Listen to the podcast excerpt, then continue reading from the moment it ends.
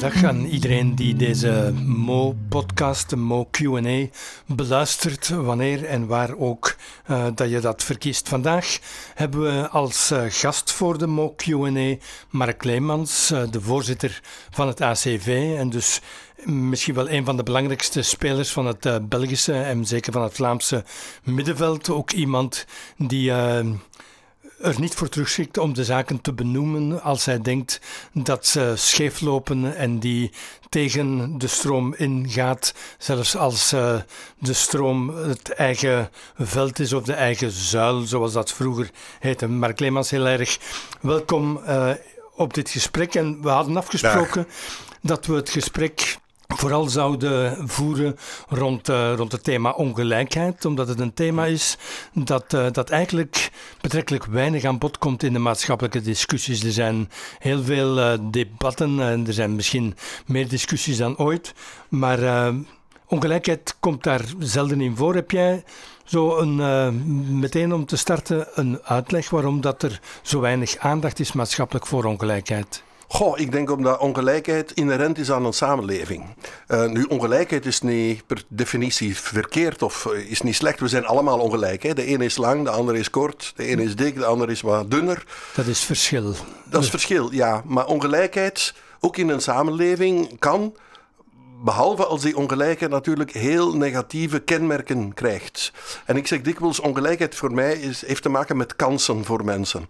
Als je aan mensen ongelijke kansen geeft en die kansen hypothekeren, bepalen wat ze kunnen doen vandaag of morgen, vandaag of in de toekomst, dan moeten we opletten.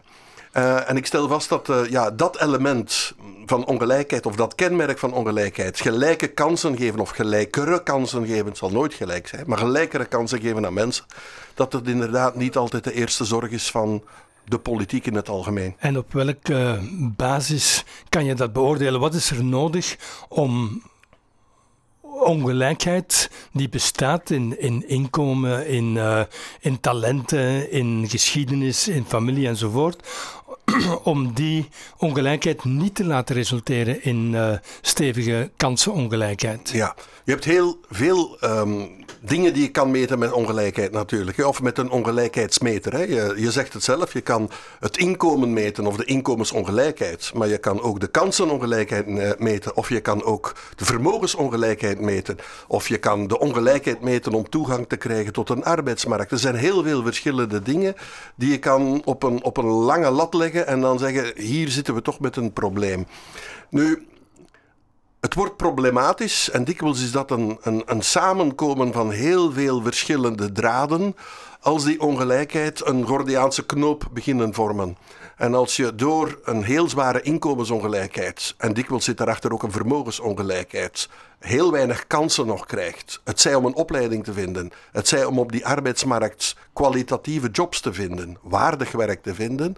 Ja, als mensen verstrikt raken door al die draden die bijeenkomen, ja, dan krijg je een probleem. En dat probleem dat wordt dan finaal dikwijls in een extreme vorm armoede. In gradaties, hè. Want ik las vandaag nog in, in, in, in een krant dat eigenlijk de helft van de wereldbevolking niet meer arm is.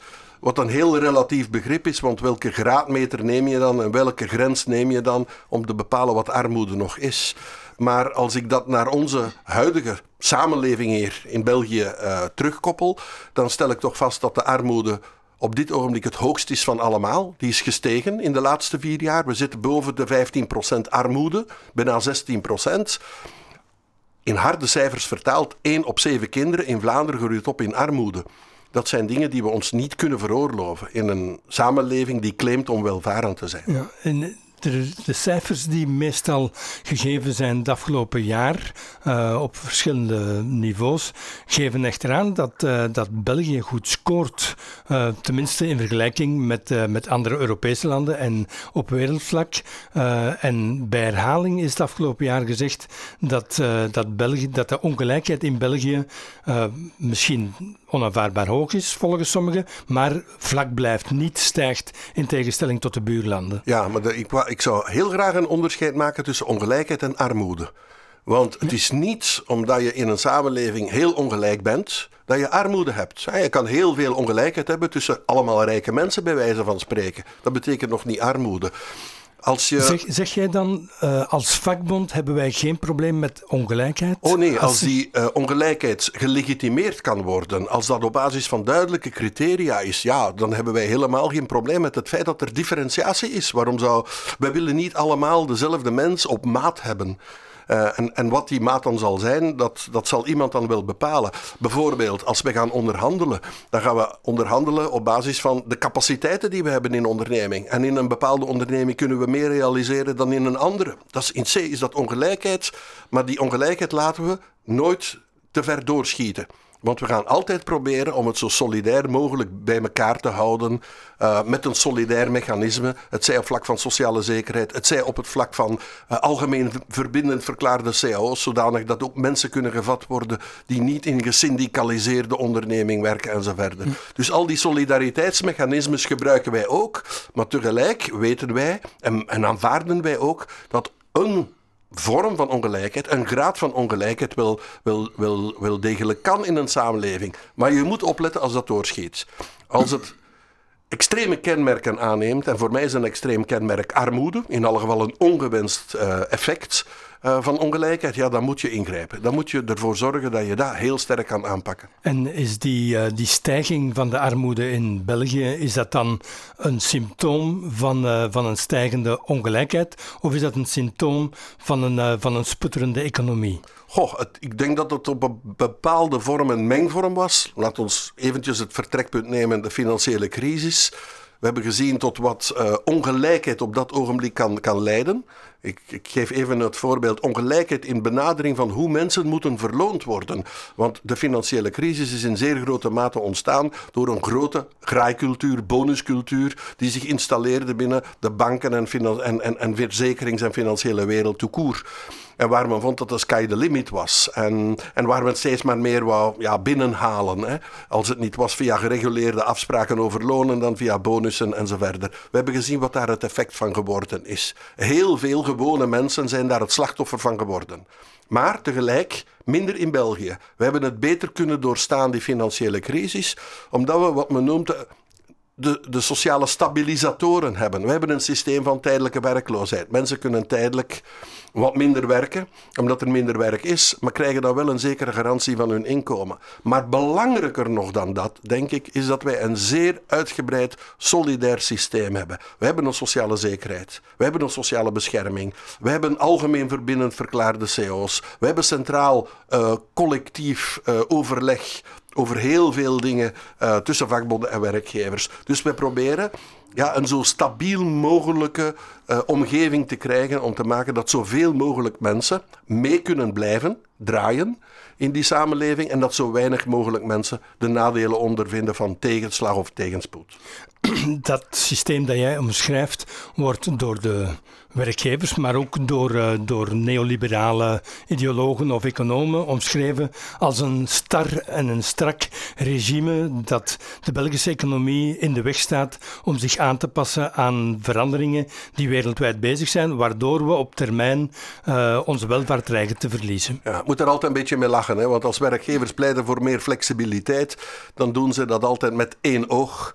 En met het andere oog knijpen ze dan uh, hard uh, om andere dingen niet te zien. Uh, ze zijn bijvoorbeeld een heel groot pleitbezorger voor um, een strengere loonnorm. Zodanig dat werknemersorganisaties over minder loonstijging of loonsaanpassing kunnen onderhandelen. Tegelijk knijpen ze het andere oog dicht om absoluut niet te moeten kijken naar de evolutie van dividenden en de, de manier waarop winst wordt uitbetaald. Dus ja, oké, okay, sta me toe als, als ik zeg dat wat werkgevers zeggen, die evengoed een lobbygroep zijn als werknemersorganisaties, dat je daar toch wel altijd een beetje een tegengewicht moet voor zoeken.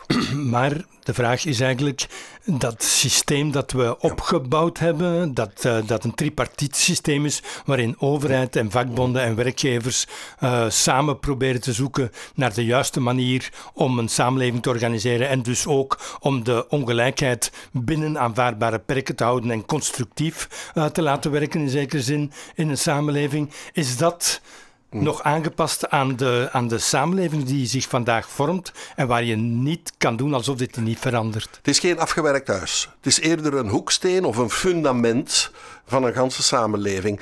Um, in België is dat begonnen met, met het Sociaal Pact dat afgesloten is in 1944 op het einde van de Wereldoorlog. En toen hebben werkgevers, vakbonden uh, of werknemersorganisaties, ik, ik, prefereer die, die naam, en de regering afgesproken om, om het land herop te bouwen en dat te doen op, op, op basis van creatie van welvaart en verdeling van productiviteitswinsten.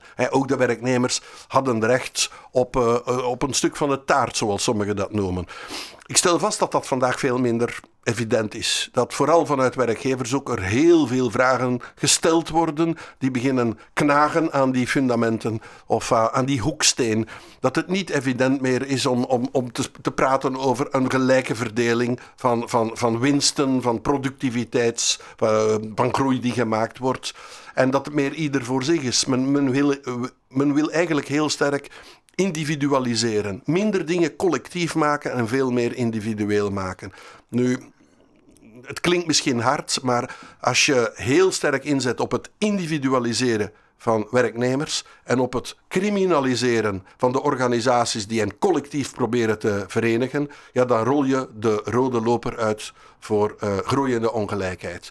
Werknemers Individueel hebben hun rechten, maar werknemers moeten die ook collectief kunnen hebben. Alleen dan kan je die groeiende ongelijkheid tegenhouden. En is er nog voldoende draagvlak bij die werknemers of bij de bevolking om dat soort uh, collectieve aanpak te verdedigen of om solidariteit als uh, funderend principe te blijven hanteren? Goh, het zal nooit de perfectie zijn, maar wij voelen minstens in eigen rangen heel veel uh, geloof in de, het nut en de noodzaak van een sterke werknemersorganisatie te hebben. We hebben nog altijd een heel hoog ledental. Het ACV zit boven de 1,6 miljoen leden. Uh, we zijn iets groter dan de twee andere vakbonden samen. Je kan het ongeveer verdubbelen. Dat betekent dat we in, in ons kleine land toch meer dan 3,2 um, miljoen mensen gesyndiceerd hebben. Mensen die geloven in een vakbond. Die geloven in het feit dat ze samen een aantal dingen sterker kunnen organiseren, verdedigen, veroveren dan, dan op hun eentje. En dat krijg je niet zomaar. Daar moet je elke dag hard voor werken. Ja, je gebruikt twee termen die me cruciaal lijken: verdedigen en veroveren. De indruk bestaat dat, uh, dat, dat vakbonden in hun strijd voor, voor een, een waardig leven voor hun leden, maar voor de bevolking in, in het algemeen de afgelopen 10, 20 jaar vooral aan het verdedigen geweest zijn, defensief uh, gewerkt hebben en minder uh, hebben kunnen of willen inzetten op veroveren, op uitbreiden, op vernieuwen. Um, is, is, leven wij in een, uh, in een tijd waarin het maximaal haalbare defensief is? Um, ik, wil niet defetistisch klinken. Het, wat we vandaag hebben is niet het maximaal haalbare. We kunnen beter en er is zeker en, en veel ruimte en, en, kans om te veroveren. Maar de laatste tien jaar, het laatste decennium zeg maar, eigenlijk sinds, de, sinds het losbarsten van een financiële crisis, uh, en dat is nu tien jaar geleden, hebben we heel sterk de defensieve kaart moeten trekken. Omdat je natuurlijk ziet dat het beleid, dat toch een grote partner is in een samenleving naast de werkgevers en, en, en, en de werknemersorganisaties, dat het beleid heel sterk heeft ingezet op uh, het, het, wat zij noemen het gezond maken van publieke financiën. Het terugdringen van schuldgraad. Eigenlijk het hanteren van vrij traditionele neoliberale economische recepten. En dan kom je automatisch als vakbond in het defensief te zitten. Want ja, werkgevers horen dat soort van beleid natuurlijk graag, gaan daarbij staan, gaan daar tegen aanschurken, gaan dat ondersteunen. En ja, als je weinig of geen partner vindt in het middenveld aan de kant van de werkgevers en op het politieke terrein, dan kom je als vakbond natuurlijk noodgedwongen in een soort van defensieve situatie. Maar ik voel dat het op dit ogenblik begint te kenteren, begint te kantelen. Dat mensen beginnen te zien dat het allemaal toch weer opnieuw is doorgeschoten. Dat het niet allemaal die hyperflexibiliteit is. Dat het niet allemaal dat hyperindividualisme is. Dat het niet allemaal het op maat van een werknemer knippen is van, van werksituaties en loonsituaties. Dat we de samenleving sterker en beter gaan maken. Dus er is terug wat meer geloof in eigen kracht. Om niet enkel te verdedigen, maar ook te kunnen veroveren. En hoe ga je dan om met het feit dat, uh, dat de politieke partij waarmee jouw vakbond toch sterk gelieerd is, dat die, eh, dat die in zowel de Vlaamse als de federale regering zit. En dus effectief dat neoliberale beleid niet alleen mee ondersteunt, maar eigenlijk ook mee uitvoert. Wel, ehm, op een heel open manier. Wij zijn eigenlijk uh, verantwoording verschuldigd aan twee partijen. De eerste partij is de partij van onze leden. De mensen die uh, samen een lidgeld willen betalen om samen hun organisatie sterk te maken, om te kunnen onderhandelen met werkgevers en, en, en politiek. En de tweede partij is de partij van onze waarden. En waarden, dat is dan heel duidelijk, dat zijn de fundamentele waarden, dat zijn de arbeidsgerelateerde waarden, inkomensgerelateerde waarden en zo verder. Dikwijls zijn veel samen te vangen uh, onder die noemer gelijkheid, streven naar gelijkheid. Voor de rest is het ACV aan geen enkele partij verbonden, schatplichtig, of hebben we er verantwoordelijkheden te, tegenover? Theoretisch dus, kan dat misschien zo zijn, maar, maar in de praktijk. Idem dito ook in de praktijk. We zijn niet gelieerd aan een politieke partij en we zijn heel kritisch ten opzichte van een regeringspartij, uh, regeringsbeleid, excuus, waar gelijk welke partij toe behoort. Voor ons is het het beleid dat een graadmeter is. De maatregelen die een regering neemt, daar zullen we naar kijken. En als die niet goed zijn, gaan we dat zeggen. Regardless those who make the government. Dus ik denk dat de ACV dat ook bewezen heeft in de laatste vier jaar van deze federale regering. Ik denk dikwijls dat wij Waar blijft de oppositie, denk ik dikwijls? We zijn, wij, wij spelen een rol die anderen zouden moeten spelen. We zijn als vakbond heel kritisch. En anderen kunnen zich een beetje in de slipstream zetten van de kritische opstelling van het ACV die, die kritische opstelling, ik zeg het nog eens, komt vanuit de band met, de, met onze leden, de partij van onze leden en de partij van onze waarden of de batterij van onze waarden. In, in, om terug te keren naar de ongelijkheid, uh, we hebben het, of als we het over ongelijkheid hebben, dan denken mensen op deze plaats aan inkomensongelijkheid. Uh, wat een heel belangrijke graadmeter is, natuurlijk om te zien hoe de situatie evolueert. Uh, je hebt daar straks ook even verwezen naar vermogensongelijkheid.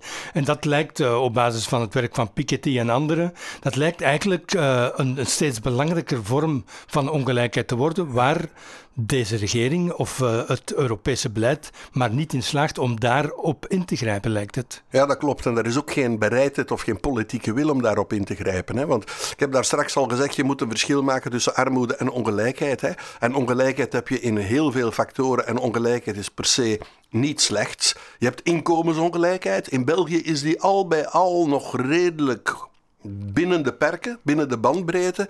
Maar als het gaat over vermogensongelijkheid, dan is die veel groter. En ja, wij hebben natuurlijk heel weinig zicht dan nog op die vermogensongelijkheid. Hè. Dat moet je ook nog weten. Hè. We zijn heel goed in het bepalen van wie arm is en hoe arm iemand is. Maar we zijn heel slecht in het bepalen van hoeveel mensen rijk zijn, hoeveel mensen veel vermogen hebben en hoe groot dat vermogen is. Hè.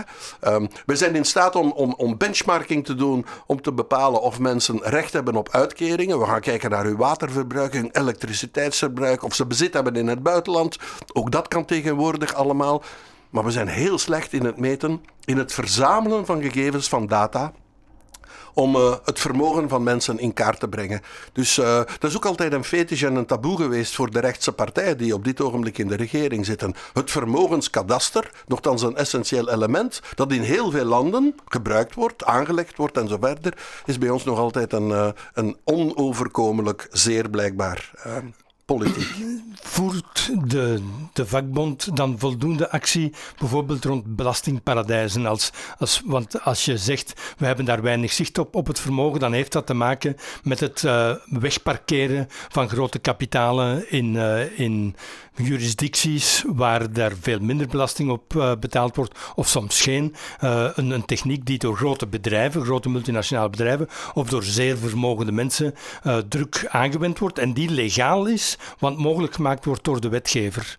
Ja, de grootste medestanders die we op dat terrein hebben als vakbond, om, uh, om daartegen in te gaan, komen jammer genoeg niet vanuit eigen land.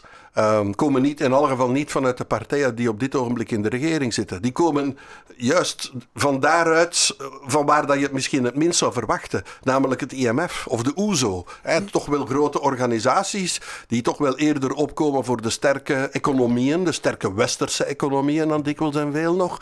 En zij hebben als eerste vastgesteld dat die grote fiscale ongelijkheid en het bestaan van die fiscale paradijzen eigenlijk het gelijke speelveld van heel veel economische uh, krachten begon te ontwrichten.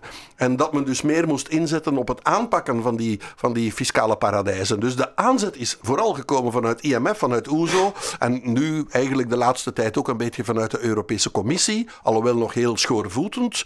Maar tegelijk stel je bijvoorbeeld vast dat als het gaat over het het, het, aanpakken van die ongelijkheid, concreet, dat onze eigen Belgische regering daar tekort schiet. Integendeel, onze minister van Financiën, Johan van Overveld, als hij kan gaan naar OESO of hij moet gaan naar de, naar de ECFIN-vergaderingen, dan staat hij daar eerder op de rem dan, uh, dan, dan te duwen op het gaspedaal om die fiscale paradijzen aan te pakken. Zoals onze Belgische regering op dit moment ook niets meer doet uh, met haar opdrachten om van de Tobin-tax werk te maken, wat nogthans door het parlement goedgekeurd is. Ja, en waar met name België op de rem is gaan staan. Hè, en zei iedereen moet mee of, of, of, of wij kunnen niet mee.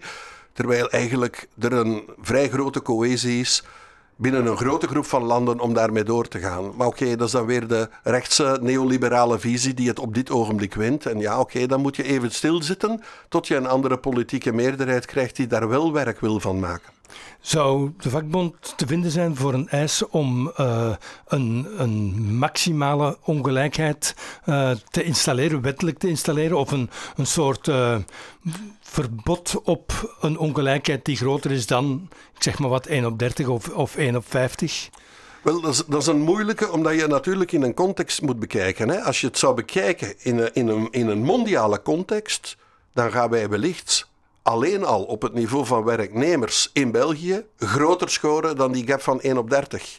Als je het gaat vergelijken met werknemers in Bangladesh of werknemers in Thailand of, in, ja, oké, of, zelfs in Latijns-Amerika, waar toch een beetje economische boom is geweest het laatste decennium, dan gaan we zien dat wij dikwijls en veel nog aan de goede kant van het spectrum zitten en dikwijls buiten de marges van ongelijkheid vallen als we die zelfs op een brede manier zouden definiëren.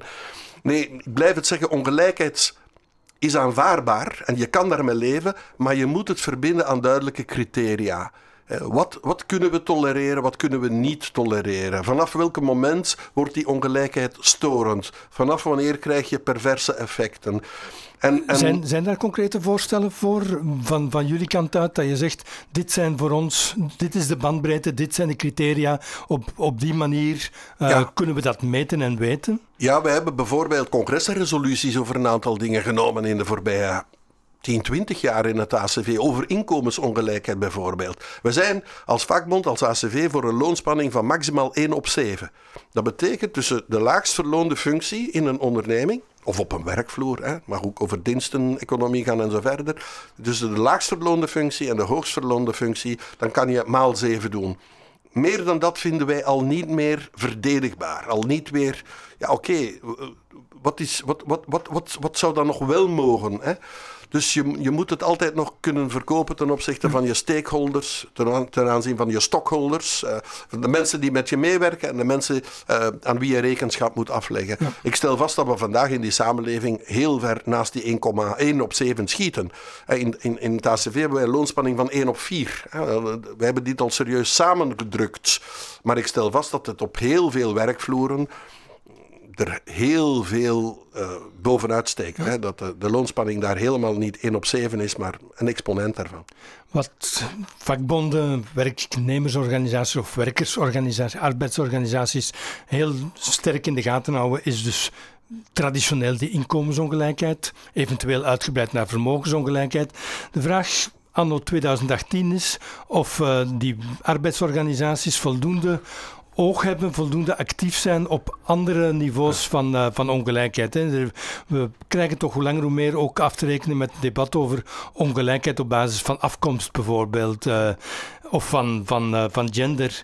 Zijn dat voldoende centrale aandachtspunten? Hebben jullie daar genoeg praktijk in ontwikkeld op dit moment? Ehm, binnen onze werknemersorganisatie wel, binnen het ACV wel. Wij hebben al geruime tijd ingezet op gelijke kansen. En gelijke kansen die dan zowel gerelateerd zijn aan afkomst of aan, of aan, of aan gender of, of nog aan, aan, aan, aan, andere factoren van diversiteit. Um, we doen bijvoorbeeld ook tijdens elke bepaling van standpunten een, een gendertoets, maar ook een generatietoets bijvoorbeeld. Hè? Want uh, ja, oké, ook leeftijd kan een element van differentiatie zijn. Jonge mensen ten opzichte van oudere generaties en zo verder. Ook die diversiteit zit er heel sterk in bij ons. We hebben een toch wel zich nog steeds sterker ontwikkelende diversiteitswerking. Um, om, om te maken dat mensen ook in een, in een onderneming of, in, of, of op een werkvloer inclusief kunnen zijn. Dat, dat heel veel mensen van verschillende karakteristieken en kenmerken kunnen participeren. Dus we zetten daar heel sterk op in. Um, Iedereen aanvaardt vandaag dat mannen en vrouwen op dezelfde manier verloond worden. Dat is niet meer het issue. Hè? Gelijk loon, ik zeg niet dat we er zijn, maar oké, dat vindt iedereen een, een, normaliteit en evidentie. Maar je hebt nog heel wat andere dingen daarnaast. Hè? Glazen plafond krijgen vrouwen kansen genoeg om door te stromen ook in een hiërarchie van een onderneming? Krijgen ze kansen genoeg om bepaalde jobs en functies te doen? Of worden die eerder afgeschermd en zo verder? Dus daar zetten we toch wel heel sterk op in is de diversiteitswerking toch niet vaak, op veel plaatsen in elk geval, meer een, een zaak en een noodzakelijke uh, evolutie naar betere representatie van een, van een diversiteit die aanwezig is in de samenleving. Een, een werking rond, uh, rond ongelijkheid op basis van bijvoorbeeld afkomst gaat uit van structurele hmm. dimensies en van structurele di discriminatie. En dus ook van structurele maatregelen uh, op maatschappelijk niveau en op organisatieniveau om daaraan te remediëren. Is, zijn daar voldoende instrumenten voor ontwikkeld? Wel, nee, we zijn daar nog niet. Helemaal niet. Hè? Want afkomst op zich, ja, dat is niet de enige factor. Hè? Eh, maar, maar wel welke andere uh, randfactoren worden daar nog bij, bij, bij, bij verzameld. Dat is opnieuw het beeld dat ik daar straks gebruikt heb. Verschillende draden die bij elkaar komen, kunnen een heel moeilijk ontwarbare Gordiaanse knoop vormen. En dus dikwijls en veel hebben mensen met een andere afkomst ook wel wat minder kansen gekregen. Hebben ze minder kansen, komen zij vanuit een andere cultuur. Um, minder leescultuur. Hè.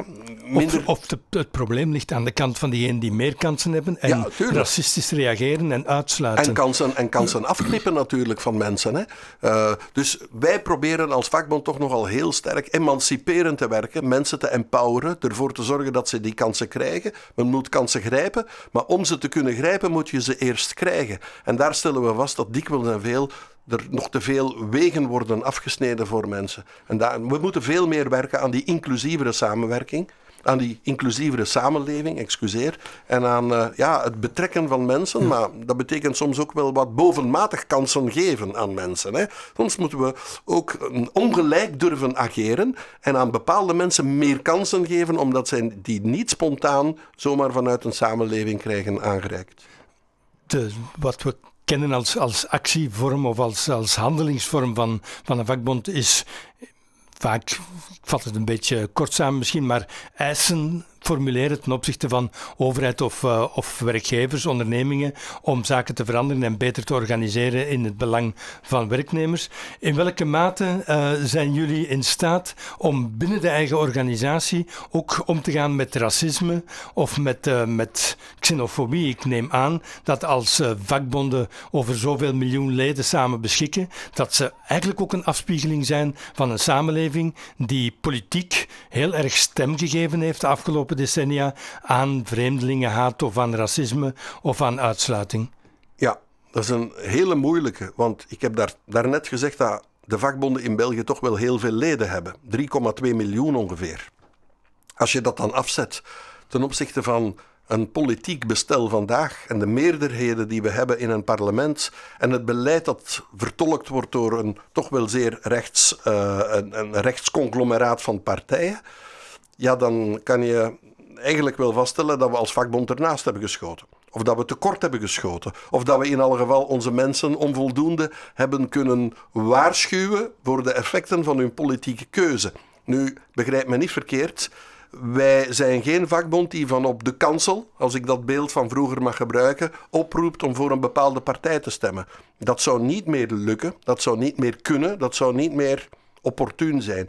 Maar daartegen moeten we wel aan mensen durven zeggen: denk na over jouw stem. Denk na over de impact van je stem. We stellen vast dat vandaag door populisme er toch wel een aantal ja, politieke tendensen zijn die gewone mensen voor de kar proberen te spannen met een aantal eenvoudige slogans, waardoor die mensen eigenlijk politiek in eigen voet schieten. En nadien met een beleid geconfronteerd worden dat ze eigenlijk niet willen. En dat ja, ongelijkheidsfactoren door politieke partijen worden misbruikt om ze nadien nog wat meer te exploiteren. Dus wij moeten mensen ook tot politiek inzicht brengen als organisatie. Niet enkel sociaal-economisch, maar ook de impact van je stem, die doet ertoe. Wat je kiest is misschien wat je kan verliezen, hè, wat je verliest. En dus uh, die politieke awareness, die politieke emancipatie, die moeten we als, als werknemersorganisatie uh, nog, meer, nog meer ontwikkelen. Ik moet toch nog één bijvraag stellen, Mark. Als je zegt van wij preken niet van op de kansel of wij wijzen niet welke partij onze leden moeten, moeten kiezen.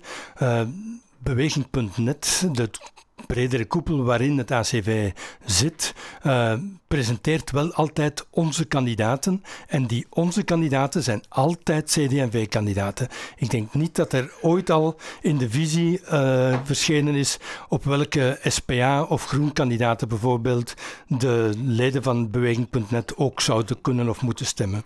Wel, dat is ook een, uh, opnieuw een moeilijke, maar ook daar is een kentering gekomen. Hè. Een, een, organisatie als de onze evolueert ook mee. Als je vandaag de visie open doet, ga je nergens zien dat die kandidaten kandideren voor CD&V. Ze mogen zich profileren als. Maar alleen CD&V-kandidaten mogen, mogen zich profileren. En die staan vooralsnog op uh, één bepaalde lijst. Maar ook daar komt meer en meer discussie. En we voelen ook dat ook binnen de eigen kringen er meer en meer nagedacht wordt over. Ja, oké, wat is de exclusieve band met één partij um, vanuit een beweging? Hoe, hoe, hard kan je dat maken? En, en die discussie neemt. op dit ogenblik natuurlijk heel sterk toe, omdat je ook geconfronteerd wordt met de, met de resultaten van een politiek beleid.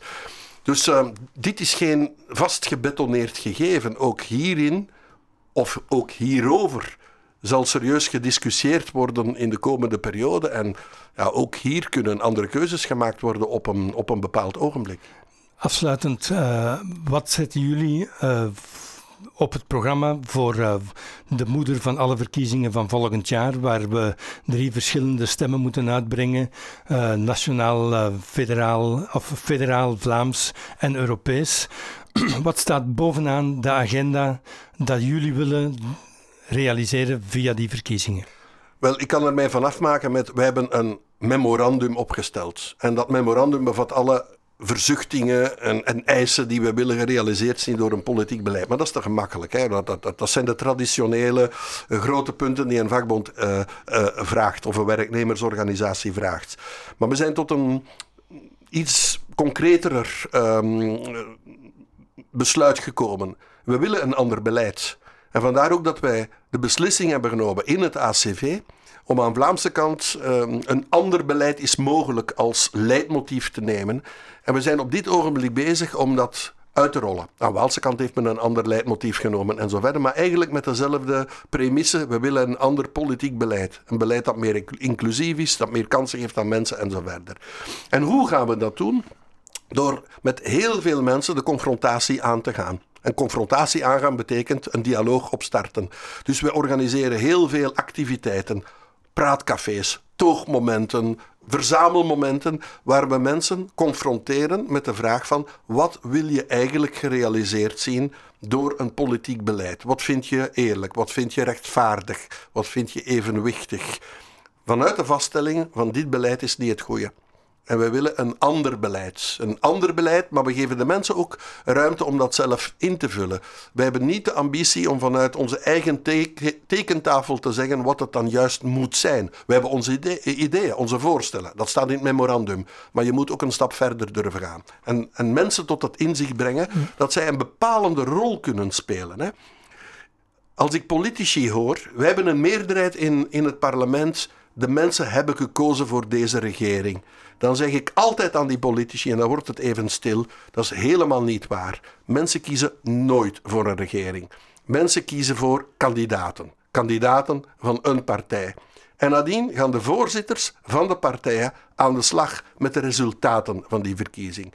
En het zijn de voorzitters van de partijen. En bij afgeleide natuurlijk hun partijen die stemmen in het, in het parlement die een regering maken. Als de huidige regeringspartijen zeggen: de mensen hebben gekozen voor dit beleid, dan zeggen oh, je bent even iets vergeten.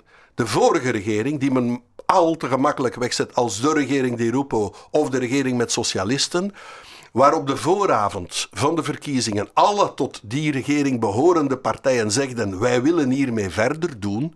Die regering is met één zetel versterkt uit de stembus gekomen. Dus eigenlijk had hij perfect kunnen verder doen als al die partijen hun woord hadden gehouden en gezegd: ja, we willen ermee verder doen. We hebben nog een zetel gewonnen. Onze, onze meerderheid is nog wat comfortabeler geworden. Dus ik blijf heel duidelijk zeggen: niet de mensen kiezen voor een regering, de mensen kiezen voor een partij in de hoop dat die partij een beleid op maat van dat programma kan ontwikkelen en ondersteunen.